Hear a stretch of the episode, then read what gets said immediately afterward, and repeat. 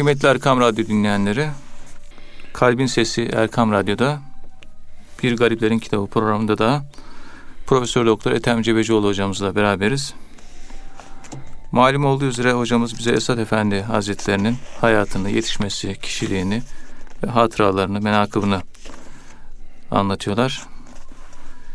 Kıymetli hocam, daha önceki programımızda bu Esad Efendi Hazretlerinin bu edebi kişiliğiyle alakalı bilgiler vermiştiniz. İşte Necip Fazıl'ın ifadesiyle Esad Efendi Hazretlerinin şiirlerindeki ince bir hassasiyet ve şiir kabiliyetine malik olduğunu söylüyor Necip Fazıl. Hakikaten divanına baktığımız zaman ve mektubatına ve diğer eserlerine baktığımız zaman Esad Efendi Hazretlerinin edebi kişiliğinin ne kadar e, öne çıktığını görebiliyoruz. Kıymetli hocam bununla alakalı yani edebi kişiliğiyle alakalı Esad Efendi Hazretlerinin neler söyleyebiliriz? Euzu billahi mineşşeytanirracim. Bismillahirrahmanirrahim. Elhamdülillahi rabbil alamin. Ve salatu ve selamu ala Resulina Muhammedin ve ala alihi ve sahbihi ecmain. Evet, Muhammed Esad Erbil Hazretleri her şeyden önce bir Allah dostu, daha doğrusu kısaca tek ifadeyle Allah kulu o kadar. Yani evet. peygamberimiz için bir tanım yapın dediğiniz zaman ve eşhedü enne Muhammeden abduhu ve rasulü. Önce Allah'ın kulu, ondan sonra Resulü. Evet. Bu Allah dostları içinde. Önce Allah'ın kulu, ondan sonra Allah'ın dostu. Önce kul. Kulluk en büyük makam. Evet. Peygamberimizin de evliyaların da bütün insanların da Allah karşısında ortak faydası olan husus abdiyet makamı. Bir abede yabudu şeklinde olursa işte bir Allah'a ibadet etmek, kabul etmek, tapmak anlamına geliyor. Abede yabidu şeklinde gelirse evet. Tacül Arus'ta bunlar anlatılıyor. Yani lügat kitabında İbn Manzur'un lisan-ı Arap'ta abede yabidu ilahı reddetmek, boyun eğmemek. Aynı kelime hem boyun eğmek manasına geliyor hem de boyun eğmemek manasına geliyor. Bunu tabii bu uzun bir anlatıma giriyor. Kısaca şöyle anlatmak gerek. İkisi de doğrudur şu manada. Mudin Arap Hazretleri'nin el abdu ma'budun vel ma'budu abdun diye böyle bir takım ibareleri var. Ne demek hocam? El abdu ee, yani evet. kul kulluk yaparsa Allah'ı ele geçirir. Hmm. Yani Allah in tensurullaha yansurkum. Siz Allah'a hizmet ederseniz Allah da size hizmet eder. Siz in tensurullaha yansurkum. Aynı bunun gibi. Fela galibelikum. Hiç kimse sizi yenemez. Hiç kimse size üstün gelemez. Siz galip gelirsiniz. İşte siz Allah'a tam teslim olursanız Allah'a da tam teslim almış oluyorsunuz. Sen Allah'a neysen Allah da sana öyle. Affedici misin? Allah da sana affedici. Hmm, evet. Efendim söyleyeyim sen Allah'a yaklaşıyorsun. O da sana yaklaşıyor. Uzaklaşıyorsun. O da sana uzaklaşıyor. Sen Allah'ı dünyada unutuyorsun. O da seni ahirette unutuyor. Yani Allah'a bakıyorsun. O sana bakıyor. Allah'a gözünü kapıyorsun. Allah da sana gözünü kapıyor. Allah bana nasıl? Cevap sen Allah'a nasılsan Allah sana öyle. Kendine dön bak. Onun için kendini bilmek evet. Allah'ı bilmek demektir. Allah'ı bilmek işte kendini bilmek dediğimiz bu incelikten geçiyor. Bir kendi haline bak. Sen ne kadarsan Allah sen o kadar Allah. Evet. Sen Allahü Teala'ya kulluk yapmıyorsun. Allahü Teala'ya abdiyet makamında boyun eğmiyorsun. Sen üzerine düşen İyyâke nâbudu yapmıyorsun. Karşılığında İyyâke nestaîn Allah'tan Allah'lık bekliyorsun. Sen önce bir İyyâke nâbudu'yu gerçekleştir. Evet. Abd ol. O da sana yardımcı olsun.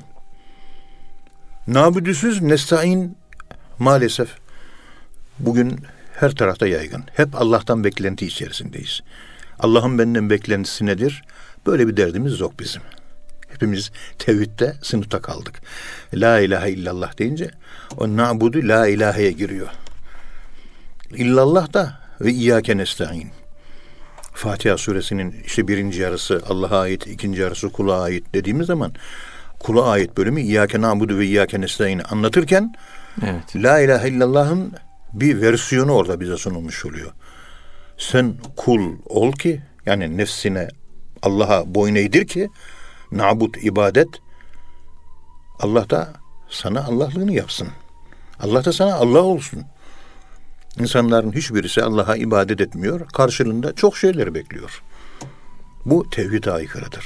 Sen kul olacaksın, kulluğunu bileceksin. Kul olana Allah Allah'tır. Allah zaten herkese rızık veriyor. Zaten fazlasıyla görevini yapıyor. Biz ekstralar peşinde koşuyoruz. Allahü Teala yaptığımız ibadetlere minnet altına almaya çalışıyoruz. Şu ibadeti yaptım. Evet. Falanca yetime şunu verdim. Suriyeli fakirlere kömür aldım. Yetimlere yiyecek aldım. Falanca yaşlılara yardım ettim. Fukaraların evlerini ziyaret ettim. Böyle bir şey söylemeye hakkımız yok bizim. Yani Allah bizden memnun olsun diye biz bunu yapıyoruz. İşte Muhammed Esed Erbil Hazretleri bu zaviyeden baktığınız zaman bu topik üzerinden, bu tepeden bakış, yukarıdan Evet. baktığınız zaman Allahü Teala'nın güzel bir kuludur. O kadar. Ve bu güzel kulluğunu söz güzelliğiyle de güzelleştirmiş. Şair demek hisseden demek. Evet. Arapçada saça şa'r derler. Hissetmek anlamına gelir. Rahmetli Çiçekçi Baba Hazretleri Ethem Hoca derdi bana. Bu saçlar var ya saçlar. Evet baba derdim. Bunlar antendir derdi anten. Hmm. E doğru hakikaten. Evet. Şiir, şair kelimesi. Arpaya da şair deniliyor. Peygamberimiz buğday ekmeği yeme imkanı olmasına rağmen şair ekmeği yiyor. Kara ekmek. Çünkü arpa ekmeğinin besleyiciliği insana faydası buğdaydan daha fazla. Evet. Peygamberimiz onu yiyor. Kara ekmek yiyor. Ve insanda demek ki bir maneviyatına o arpa ekmeği bir tesir oluyor ki Evet. insanın maddiyatına, maneviyatına Peygamberimiz sallallahu aleyhi ve sellem arpa ekmeğinden başka ekmek pek yemezmiş. Genellikle menüsünde arpa ekmeği bulunurmuş. Hatta bunu da şöyle anlatıyorlar. Buğdaydan yapılmış bir ekmeği yediğiniz zaman vücut 12 saatte tüketiyor. Evet. Ama arpadan yapılmış bir ekmeği yediğiniz zaman arpadan yapılmış ekmeği vücut 24 saatte tüketiyor. Yani vücudu ayakta tutuyor, diri tutuyor. Direnç. Hem direnç ve güç, kuvvet veriyor. Yani o içerisindeki efendim söyleyeyim un artık karbonhidratlar yağlara, yağlar şekere, şeker işte vücuda gidiyor, yanıyor, harekette vücudu ayakta tutuyor. Bu sirkülasyonu buğday 12 saatte bitiriyor. Ondan sonra vücut halsiz düşüyor. Evet. Buğday bu iken arpa 24 saat. Bu yüzden Yeniçerilere arpa ekmeği yediriliyor. Ve aldıkları maaşı da arpalık. Verdikleri onlara verilen bir takım topraklara, arazilere yani bir arpalık, yulaf, alef böyle tabirler kullanılıyor. Buğday yok. Evet. İşte şair kelimesi duygulu, sezişli demek. Çünkü Esad Erbil Hazretleri bir kuldur. Duyuşlu bir insandır, sezişli bir insandır, derin bir insandır. Ve hüdü ilel kelimi tayyibi ve hüdü ila sıratın müstakim. Yani o Allah dostları, o Allah'ın hakiki kulları güzel konuşmaya Allah tarafından hidayet olundular. Güzel konuşa konuşa da sırat-ı müstakime ulaştılar. Vav, vav takibiye. Sırat-ı müstakime giden yol güzel konuşmaktan geçiyor Kur'an-ı Kerim'e göre. Onun için Allah dostları melekler gibi kibar konuşur. Melekler güzel konuşur, sessiz konuşur, ince konuşur, nazik, elegance, kibar, tatlı, hoş, böyle ifadeleri güzel meleklerin. Öfke ve sinir yoktur meleklerde. İşte melek tabiatını kazanan Allah dostlarında da konuşmaları son derece güzeldir. Son derece tatlıdır. Sadırdan. Es, tabii gönülden gelen bir konuşmadır. Esad Erbil Hazretleri'nin şair oluşu, sezişli ve duyuşlu oluşu Allah'a iyi bir kul olmasından kaynaklanıyor. Onun için Allah dostları ağızlarından çıkan sözler ne olursa olsun Yunus Emre Hazretleri'nin ifade ettiği gibi ne söylese kırar olmaz diyor. Ne söylerse söylesin asla gönül kırmaz diyor. Esad Hazretlerinin de mübarek zat yazmış olduğu şiirler işte kendi devrinin şairleri tarafından kullanılan aruz kalıplarını kullanıyor. Nazım çeşitlerini kullanıyor. Evet. Ve divanında yazmış olduğu divanında bunun çok güzel örneklerini vermiştir. Fakat kendisi bir tarikat şeyhidir, bir din alimidir. Ve onun şiir anlatımları daha ziyade tasavvufi yönünü ortaya çıkartıyor. Mevlana'nın işte Divan-ı Şemsi gibi okuyorsunuz. Niyazi Mısri'nin divanı gibi. Evet. Yunus Emre'nin işte şiirleri gibi. Ve hep böyle tasavvufi yön o gündeme geliyor. Daha ziyade manevi haller, iç duyuş, yaşayış, işte kalbin basamakları, semavat, Allah'ın sevgisi, kurp, işte muhabbet, bu gibi konular hep genellikle işlenmiştir. Evet. Ve edebi yönü bu yüzden belli bir alana yönelik bu şekilde bir şiir yazması nedeniyle edebi yönü pek fazla Ön halk arasından çıkmamış. tanımamış, Evet. öne çıkamamıştır. Yani tasavvufi yönü daha Değerlendirenler de böyle söylüyor. Yani biraz daha böyle sosyal konular, biraz daha güncel olsaydı biraz daha tanınırdı. Ancak spesifik uzmanları mesela Mevlana Hazretlerinin e, Mesnevi okumalarını her yerde görüyoruz. Her yerde Mesnevi okumaları var. Hiç Mevlana'nın o altı ciltlik Divan-ı Şemsi'nin okumasını yapılan yer duydun mu? Yok. Duymadım. Ben de İlahiyat Fakültesinde bunun gerekçesini anlatırken Evet. Mevlana'da langaj meselesi diye bu konuyu ele aldım. Mevlana'nın yazmış olduğu Divan-ı Şems tamamen göklerle alakalı bir eser.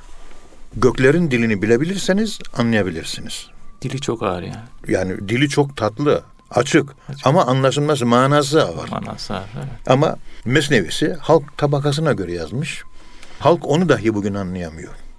İşte Esad Erbil Hazretleri böyle çok özel, özgün, spesifik, böyle kalitat, daha böyle vasıflı, daha nitelikli, üst düzey. Yani o Vasili Kandinsky'nin o piramidi var. Piramidin yüzde biri var. Bir de aşağıda kalan yüzde 99'u var. Yüzde bire yazılmıştır bu şiirler. Evet. Mesela Silsile-i Şerife işte Halika arz-ı semaya eyleriz hamdü sena Ahmet-i Muhtar kıldı aleme diye başlıyor. O kadar inceliklerle dolu ki o şiiri yaklaşık 15 günde ancak tefsirini bitirebildim ben. O kadar ince oyunlar, kafiyeler, cinaslar, amlan, teşbih, metaforlar, kinayeler, neler neler dolmuş içerisi. Hiçbir kelime boşa koymamış. Evet. Yani böyle derin bir insan. İşte Divan-ı Şems'te açıyorsunuz, tatlı geliyor, güzel bir ifade. Fakat derinliği nedir bunun? Derinliğini nasıl anlayabileceğiz? Mevlana olabilirseniz anlayabilirsiniz. Onun için Divan-ı Şems'i kimse okumuyor. Bu şu anda ben de radyodan konuşuyorum. Radyoda yapmış olduğum bu konuşmaya da dinleyiciler dinliyor ve herkese soruyorum. Siz Mesnevi okuyorsunuz. Bir yerlerden Mesnevi derslerini takip ediyorsunuz. Ama hiç Divan-ı Şems üzerine yazı yazan, kalem oynatan, efendime söyleyeyim, Ders yapan. e, ders yapan, halka dersi kuran hiç duydunuz gördünüz mü? Yok. İşte Eser Hazretlerinin de yani bu yüzde birlik kesime hitap etmesi, üst tabaka insanlara hitap etmesi, arkasında geri kalan insanların oraya o anlamlara yükselemeyişi, arazi olmaları, toprağa bağlı kalmaları, göklere çıkamamaları, o göklerin sedasını ve göklerin derin anlamlarını ve göklerle ilgili manaları sezemedikleri için insanlar biraz uzak kalmıştır. Bu bakımdan Mevlana'nın Divan-ı Şemsi'nin nasıl garip gurbette kalması söz konusu ise Esad Erbil Hazretleri'nin de divanının bu nedenle ancak spesiyel kişilerin elinde, spesifik insanların zihin yapısında ve konuşmalarında ve sohbetlerinde yerini bulmuş. Halk tabakası anlamaktan uzak kalmıştır. Anlaşılması da zordur. Bize düşen bunu anlatmaya çalışmak. Bunun gerekçesi şu. Hacı Bayram Camisi'nin orada Sami Efendi evi var. Orada Fahrettin Iraki'nin Lemaat adlı eserini şerh etmeye çalışıyorum ben kendim. Kendime göre işte 39 senenin birikimi, 40 senenin birikimi tasavvuf alanında. Bu anlatırken öyle yerler geliyor ki dinleyiciye bakıyorsunuz, ibareye bakıyorsunuz. Arkadaşlar ben bu ibareyi size açıklarsam zihin dünyanızda fitne kopar. Allah. Zihin dünyanızda fitne kopmaması için ben burayı atlıyorum. Bu konuyu Türkiye'de konuşabileceğim ya beş kişi var ya altı kişi. Yedinci kişi yoktur. Biz bu konuyu onlarla konuşuyoruz. Bu nedenle bu ibareyi ben anlatmıyorum. Evet. Es geçiyorum ama anlaşabilir tarafı şu kadardır deyip basit bir metafor, basit bir hikaye, basit bir misallendirmeyle anlatıyoruz. Anlayabilen anlıyor, anlayamayan anlayamıyor. O yılanlardan bahsederken Evet. Ankara'da Arsanani Camisi var. Camide imam Allahu Ekber diyor ama yapı Selçuklu yapısı. Osmanlı Devleti'nin kuruluşundan 50 sene önce yapılmış. 40 sene önce yapılmış. İmam namaz kılıyor Allahu Ekber. Koskoca skalaktiklerle dolu, Evet. Selçuklu süslemeleri, Selçuklu sülüsüyle dolu güzel bir mihrap var. Tam tepesinde en üst alınlık kısmında en yukarıda 3-4 tane yılan var. Taşlar var böyle. Figüratif olarak çıkarmışlar ortaya. Yılanların iki tane ağzı var. Hmm. İki ağızlı yılan. Ejderha. Namaz kılan o ejderhalardan kurtulur. Allahu Ekber. Edâ'us selavat ve tebe'us şehevat ile alakalı bir anlatım. Şekilsel anlatım. Ta o alınlı kısmına koymuş gelen ya bu yılanları bizim Selçuklu dedelerimiz niye yapmış? Şimdi o yılanların ifade ettiği manayı ben burada mikrofonda, radyoda dinleyicilere anlatamam. Mümkünü yok. Çok özel, anlayışı yüksek bir takım insanlar olursa anlama kabiliyetinin olduğuna inanırsam anlatabilirim. Nefisle alakalı mı? Nefisle alakalı ama nefsin bir yönüyle alakalı. İdle alakalı. Evet. Sigmund Freud bilmem bahsetmiş olduğu o Evet. libidolarla alakalı bir yapılanmayı anlatıyor o. E, Ayette de öyle söylüyor. Namazı kaybeden şehvet sahibi olur. Namazı kazanan şehvetini engeller. İnne salate tenha anil fahşa ivel münker ve le zikrullahi ekber vallahu ya'lemu ma tasnaun. İşte bu anlatımlar bu basit bir anlatım sadece. Bunu söyledikten sonra anlıyorlar ki ha bu biz dinlersek bunun bize bir faydası olmayacak. Evet. O ilmi la yenfa oluyor. Çok faydalı ilim ama e, hasül hava tabakasına ait. Havan tabakasına ait değil o. Yani erbabı anlar. Bitti. O erbabına. Onun için tasavvuf erbabı hakikatleri hep mecaz perdelerinin gerisinden hep flu anlatmışlar. Kendileri işaretlerle anlaşmışlar.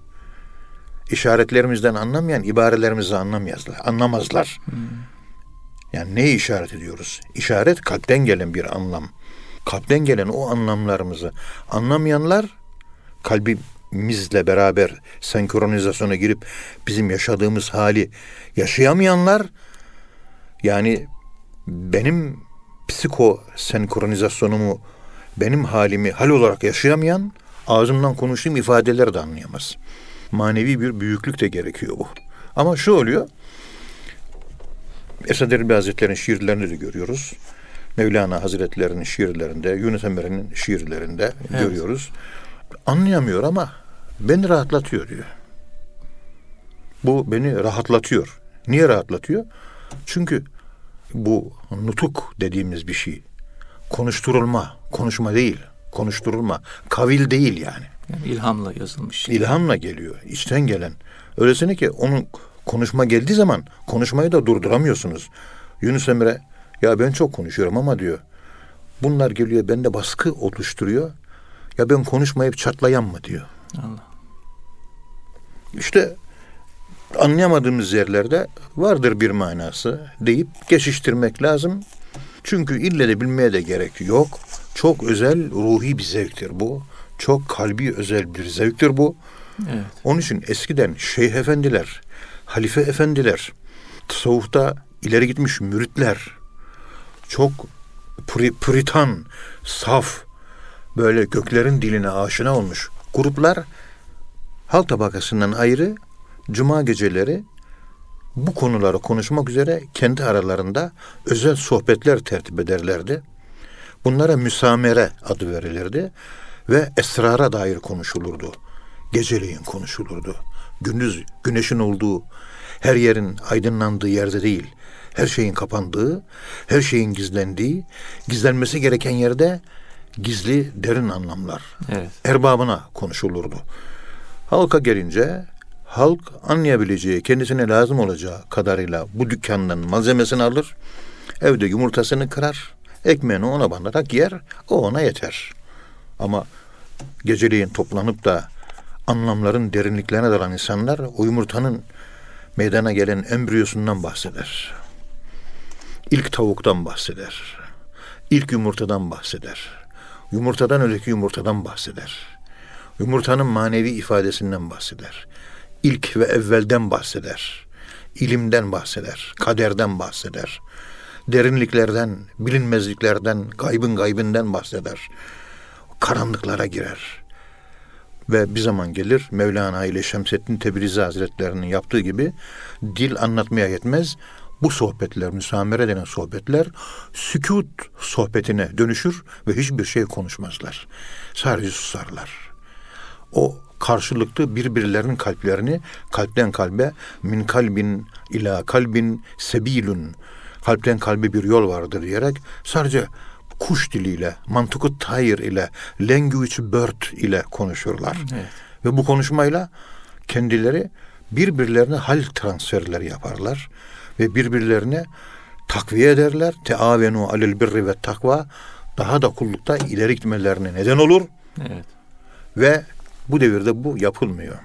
Uzman olanlar bir araya gelip de bu konuları gönül zevki olarak her tür ilmi görünüşten, akademik görünüşten, şekli yapılanmalardan, formellikten, böyle şekillerden uzak, sırf ruha ait bir yapı içerisinde o kendini o bir nehire kaptırmış gidiyormuş edası içerisinde manayı zevk etmek.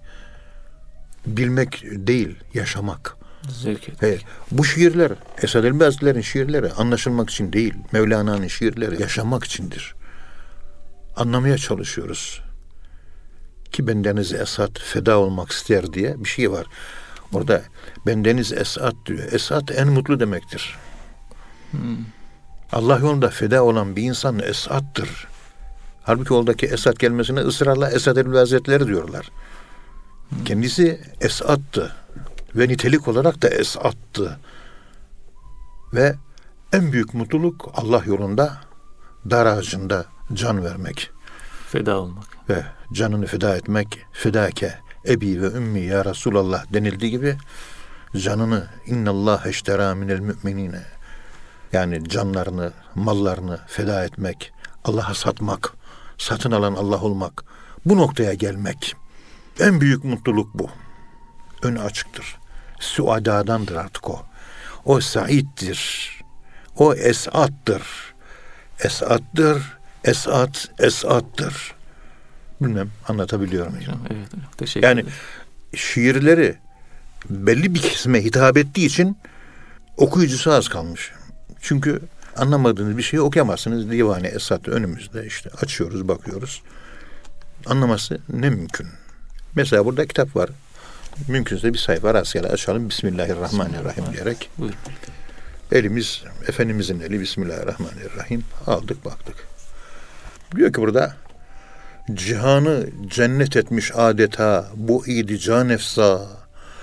Koy olsun cümle-i ihvan izzetle safa bahşa.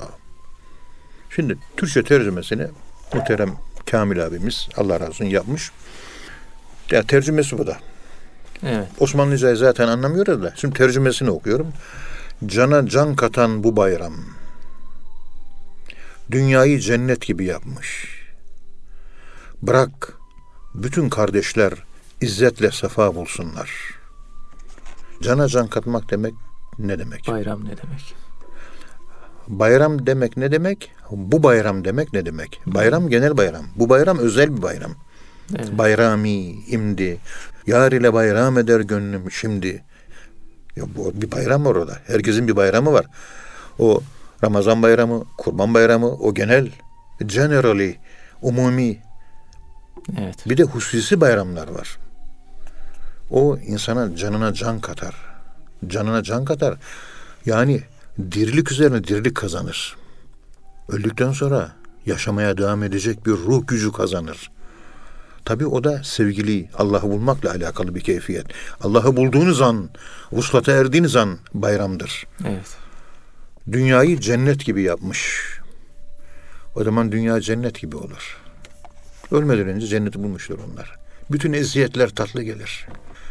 Kocasının kendisine kötü davranışı, kendisiyle ilgilenme işi, kocasının kendisine yakınlık gösterme işi, durmadan şikayet edişi, beğenmediği o yapı, bakmışın çok tatlı gelir.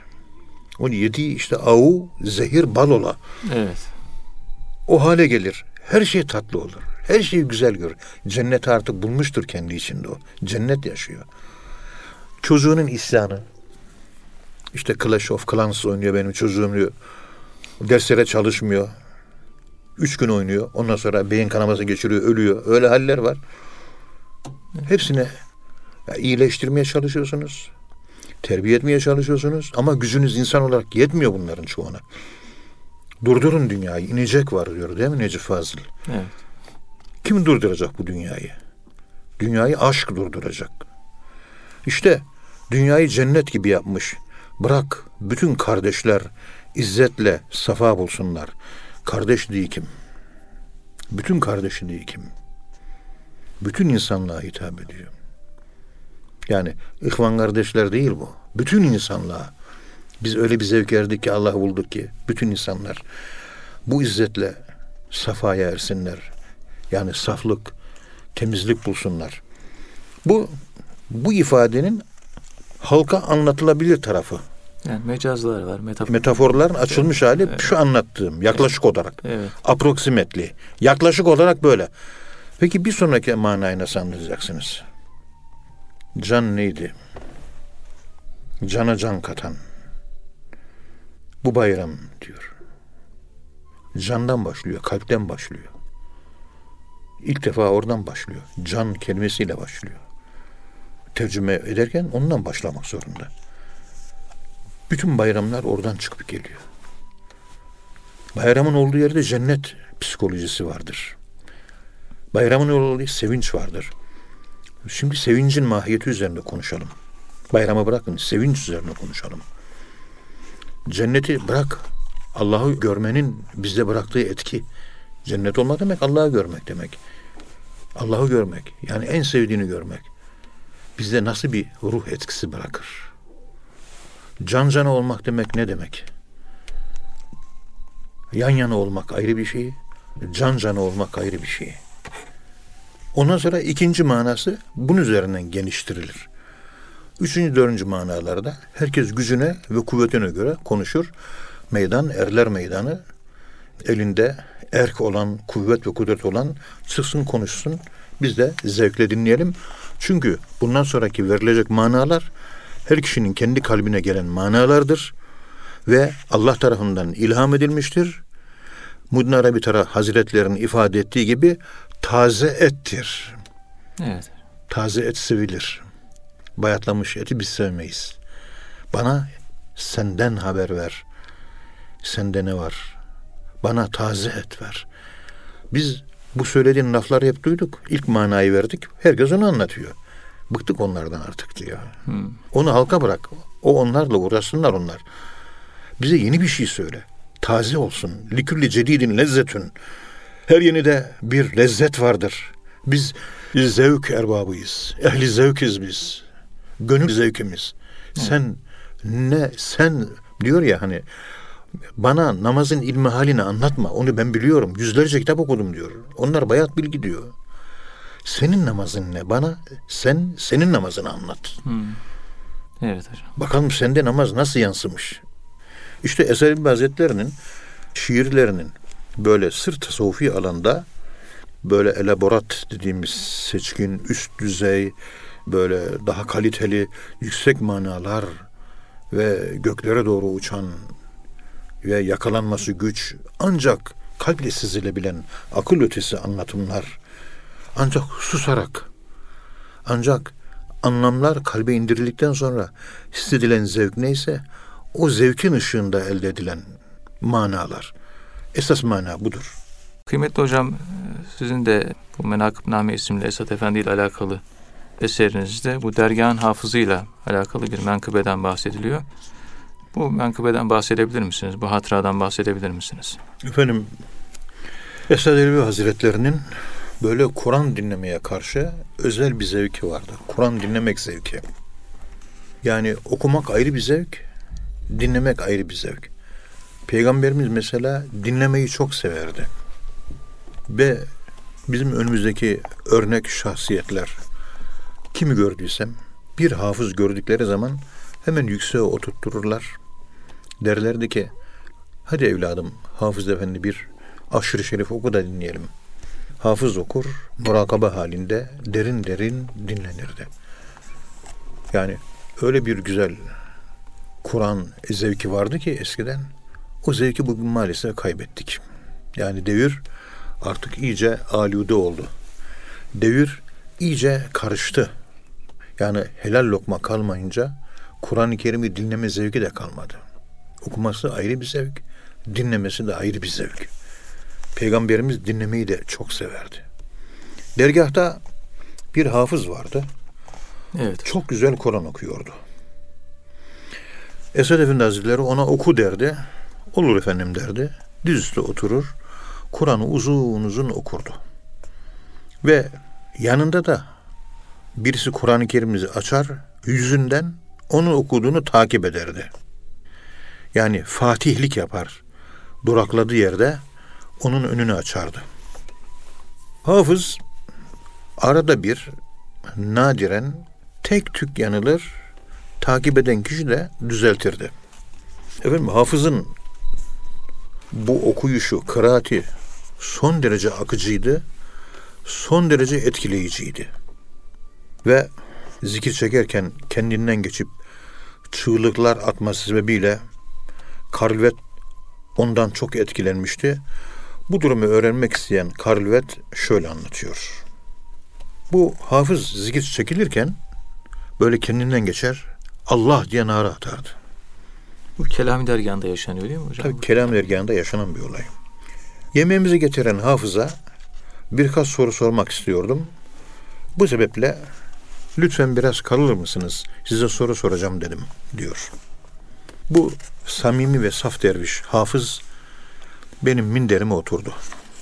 Ona toplu zikir çekilirken kelami dergahında cezbe ile ürperken, titrerken, vecde gelip çığlık atarken ve kendinden geçip hüngür hüngür ağladığı zaman neler hissettiğini sordum.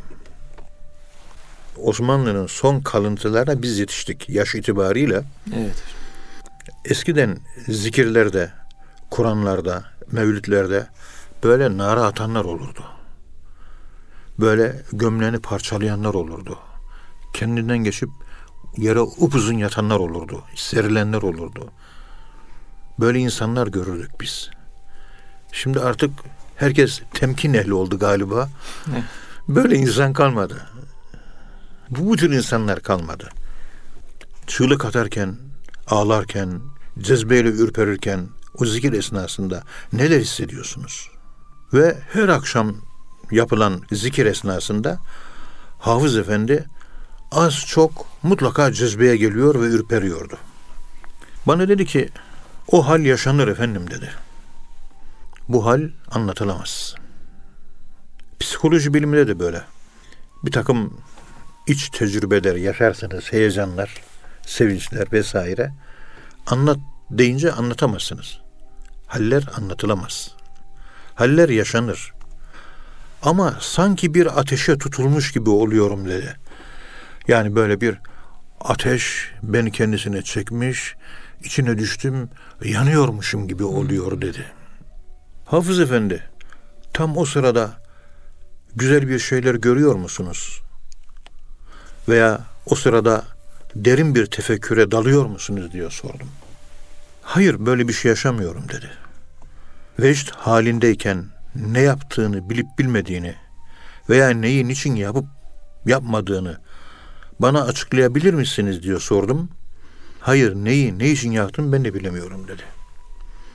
Bu Gurdjieff ünlü Rus film yönetmeni Orta Asya Türkleriyle ilgili böyle bir filmi var. Orada bir zikir sahnesi var. Kafkasya topluluklarında böyle bir kadiri zikri. Meeting with Remarkable Man diye bir filmde herhalde. Evet. evet.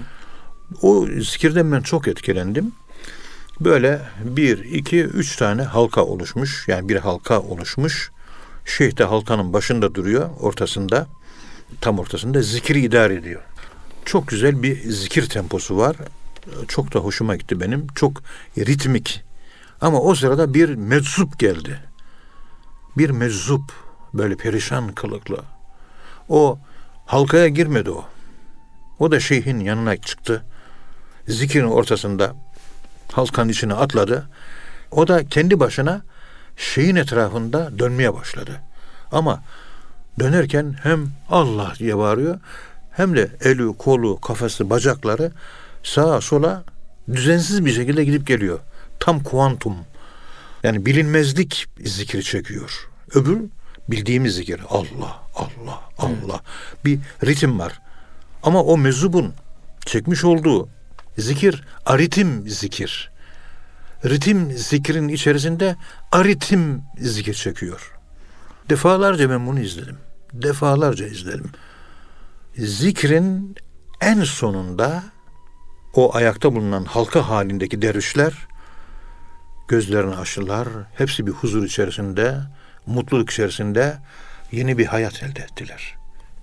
Evet. Ama o deli dediğimiz, meczup dediğimiz zikrin en sonunda kendini yere attı ve öldü. Aritim zikir. Ritim zikir, aritim zikir. Bunu Dücani Cündoğlu Bey de izlemiş. Bir yazısında gündeme getirmişti. Evet. Beni etkileyen dedi o zikir çekenlerden ziyade o delinin, aklını yitirmişin, o divanenin çekmiş olduğu zikir. Baktım hakikaten beni de o çok cezbetti. Daha sonra arkadaşlara söyledim. İnternetten indirin bir o sahneyi izleyin dedim. Gurciyev'in o filminden zikir sahnesini.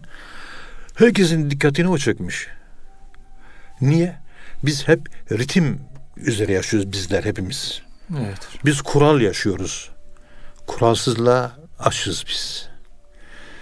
O açlık bizi ona doğru yönlendiriyor. Ona bakıyoruz hepimiz. Bir tane deli zikir çekiyor. Onun çekmiş olduğu zikri bizi hayran bırakıyor. Aritim zikir çekiyor. Kafası kolu bir tarafa gidiyor. Böyle ağzından Allah zikri de çıkmıyor onun. Ve en sonunda pat secdeye kapandı ve öldü.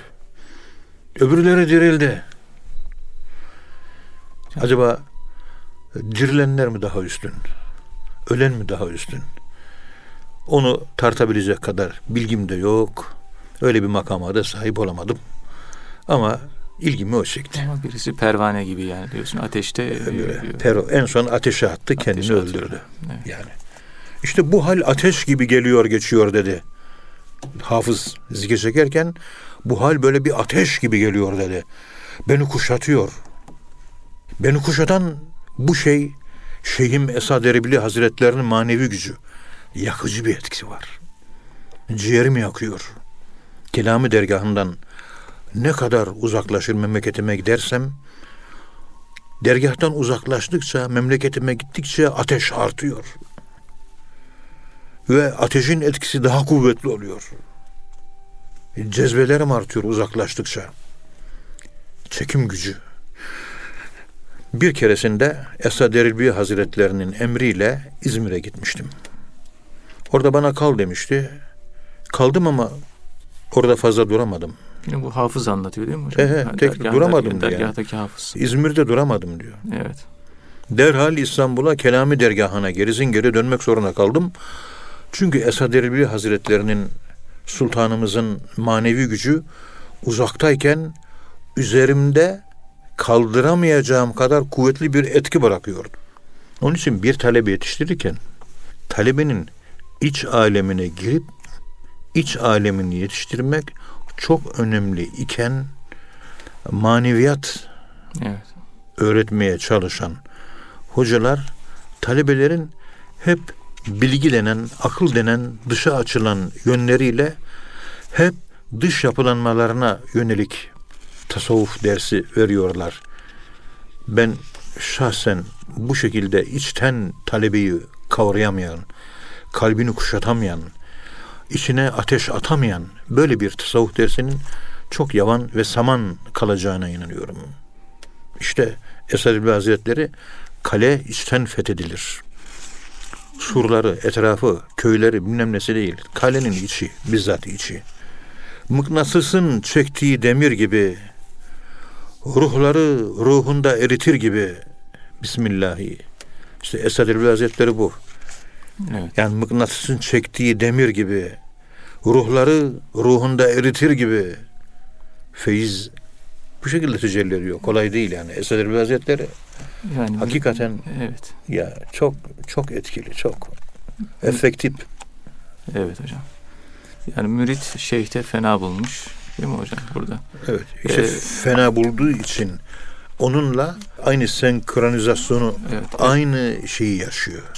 Bu Esad Efendi Hazretleri'nin hocam yani fenai vücutla alakalı bazı görüşleri var. Kısaca ondan da bahsedebilir misin hocam? Programın Evet. sonuna yaklaştık. Umre'de iken böyle mübarek zat Şeyh Efendi Hazretleri hastalanmıştı. Grip oldu. Bir hafta çıkamadı.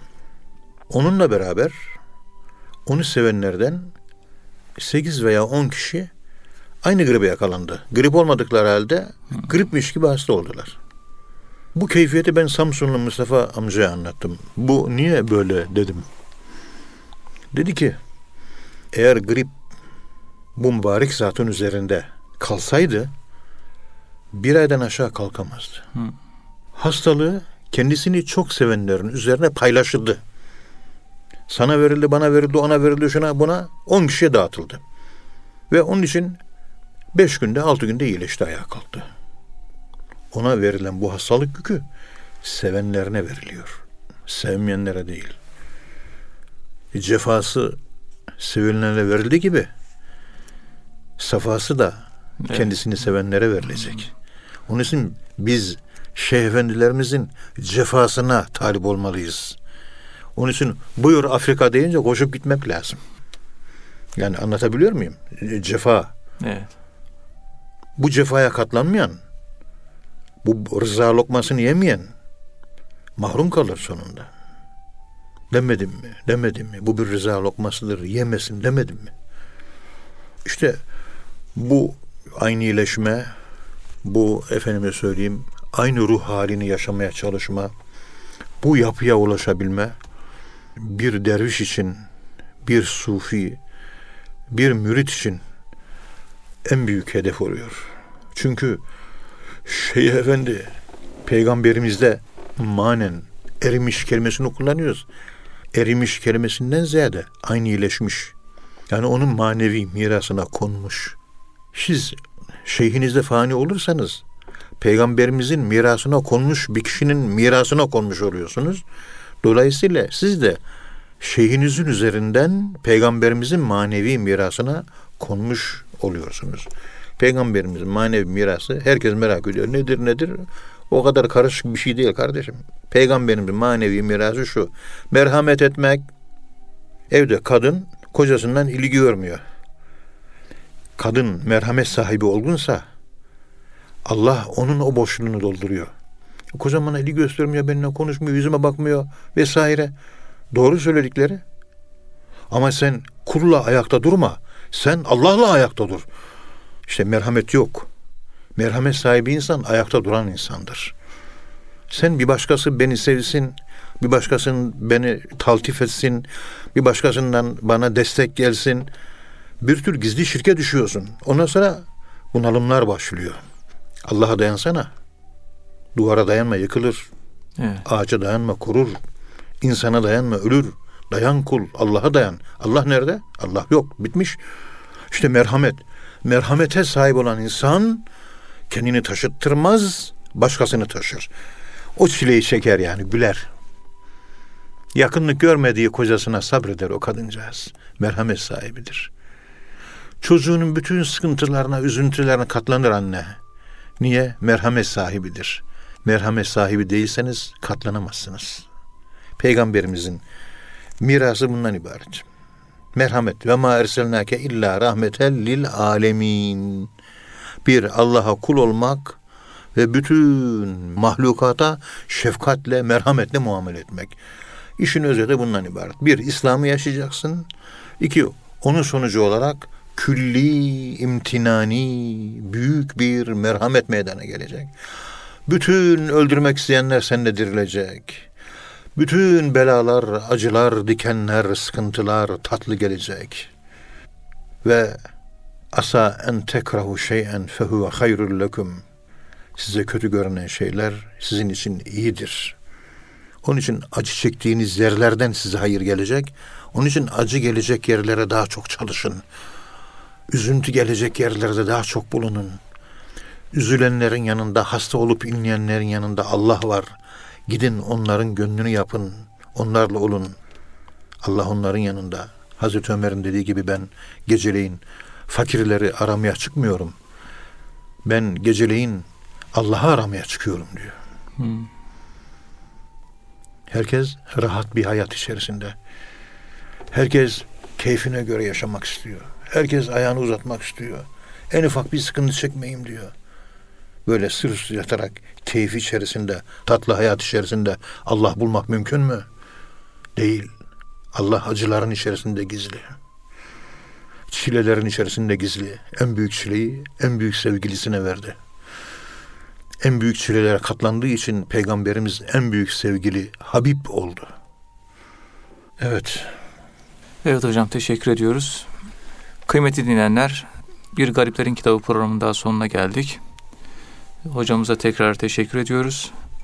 Bir sonraki programda tekrar buluşmak ümidiyle hepinize Allah'a emanet ediyoruz. Hoşçakalın efendim.